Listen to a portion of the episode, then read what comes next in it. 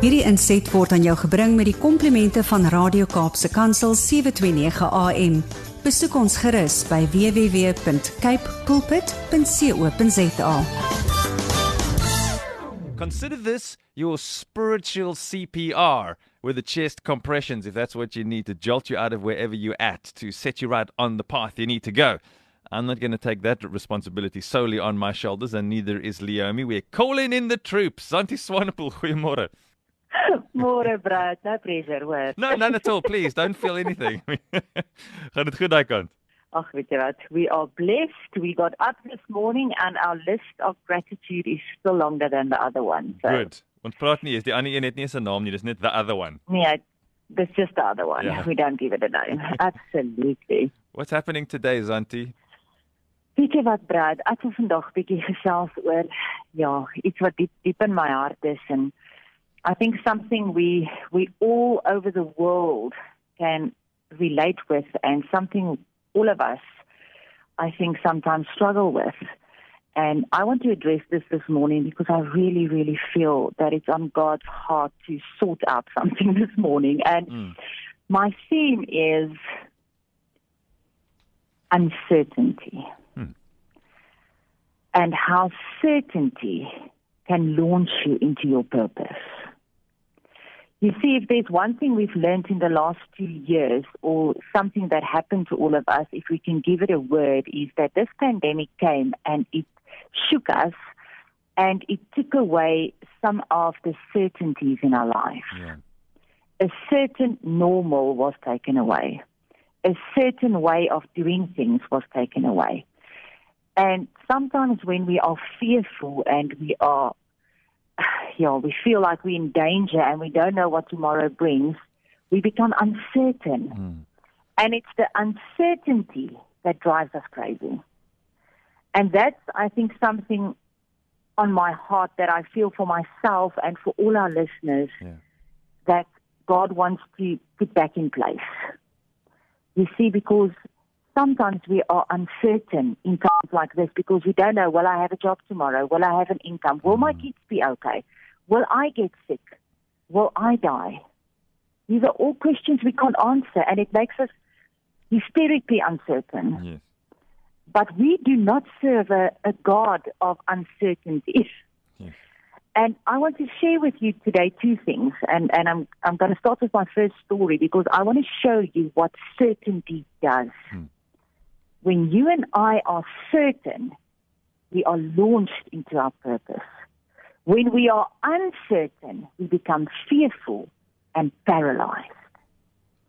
Now, Catherine Booth was born Catherine Mumford at Ashbourne in Derbyshire on the 17th of January in 1829. And she inspires me about certainty. Her parents were both Methodist. She could read at the age of three. And by the time she was 12, she had read the entire Bible from Genesis to Revelation eight times. Wow. My question to myself and to every one of us is have we done that once? Mm. By the time she was 12, she did that eight times. Most surprisingly is that she only went to school and she started school when she was 12. But as a teenager, she went through a spiritual struggle. She read the Bible eight times, but she still went through a struggle. She always had a Bible and a hymn book placed under her pillow in the 1800s. That particular morning, when she opened it up, she read the following My God, I am thine. What comfort divine. What a blessing to know that Jesus is mine. She would later say, I no longer hoped was saved. I was certain of it. And then she rushed to tell the good news to her mother. She read the Bible eight times. She struggled her whole teenage life until the day she became certain. And that day, when she became certain, her purpose was launched mm. because she became the co-founder of the Salvation Army Wow. in England with her husband William Booth in 1865. My question to myself and to the listeners is how certain are you? How certain are you that God loves you? How certain are you that tomorrow will be fine, not because of your circumstances, not because of your efforts, but because God is God and is faithful? How certain are you this morning? Because if you're not certain about that, you will not fully live your purpose. Because your purpose is not born out of your uncertainty or your, um, you know, failure to know what tomorrow brings. Your purpose should be founded on the fact that God knows. He provides. He's faithful. You see, John Alexander Dowie in 1847, these guys are my rocks of how to really understand being certain. He said, faith is the inward working of the Spirit of God on our human spirit mm. through the inhaling and exhaling of the written and spoken word of God. You might ask this morning, but Zantie, how, how, how will I be certain? How can I know that I know? Well, it's by inhaling and exhaling the written and spoken word of God. So beautiful in Psalm 27, verses 3, David writes, Through a host encamped against me, my heart will not fear. Though war arise against me, in spite of this, I shall be confident. Mm. We can be confident in God amongst chaos around us because we can be certain that God's words are true.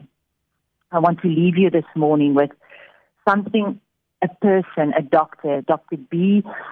Ben Carson wrote. He was a, he was a, he is a retired world-renowned neurosurgeon, but he is certain, and his certainness is is is what launched him to do and live his purpose in life because we are not certain about things, but we can be certain in God that He is 100% confident in me and you and the purpose He created for us.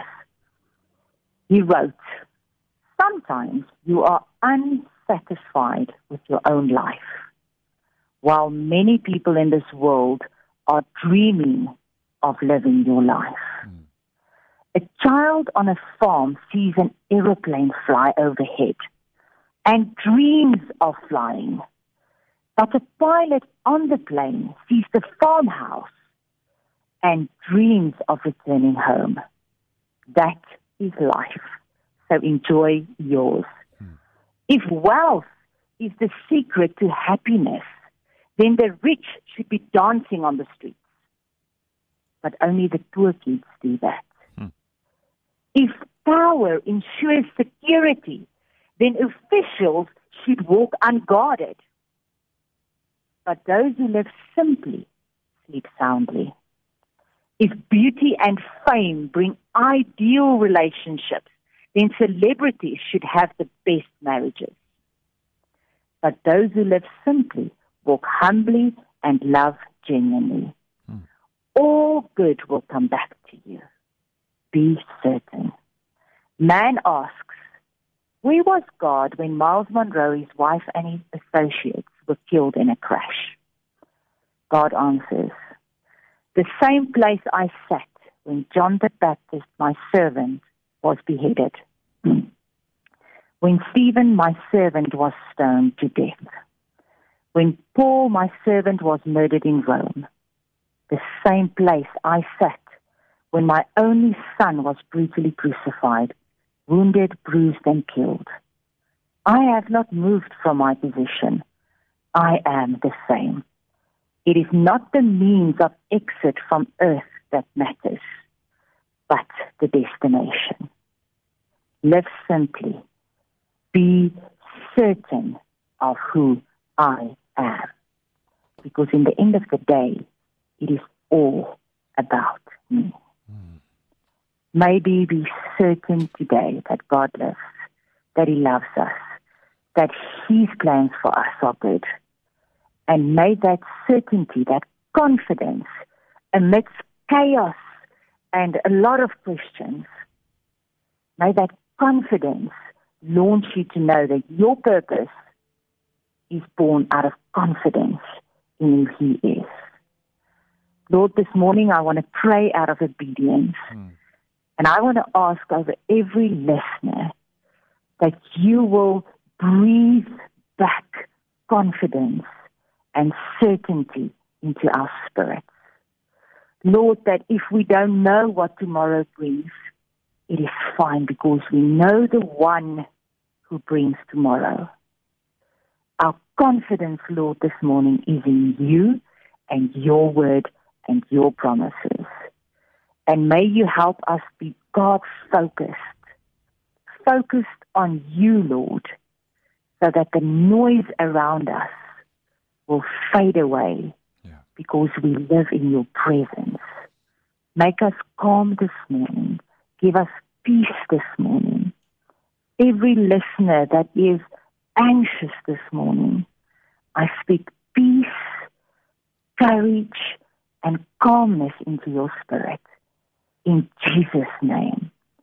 For he is, therefore, we can be confident and certain that he has our good at heart. We pray that this morning in Jesus' name. Amen. Hierdie inset was aan jou gebring met die komplimente van Radio Kaapse Kansel 729 AM. Besoek ons gerus by www.cape pulpit.co.za.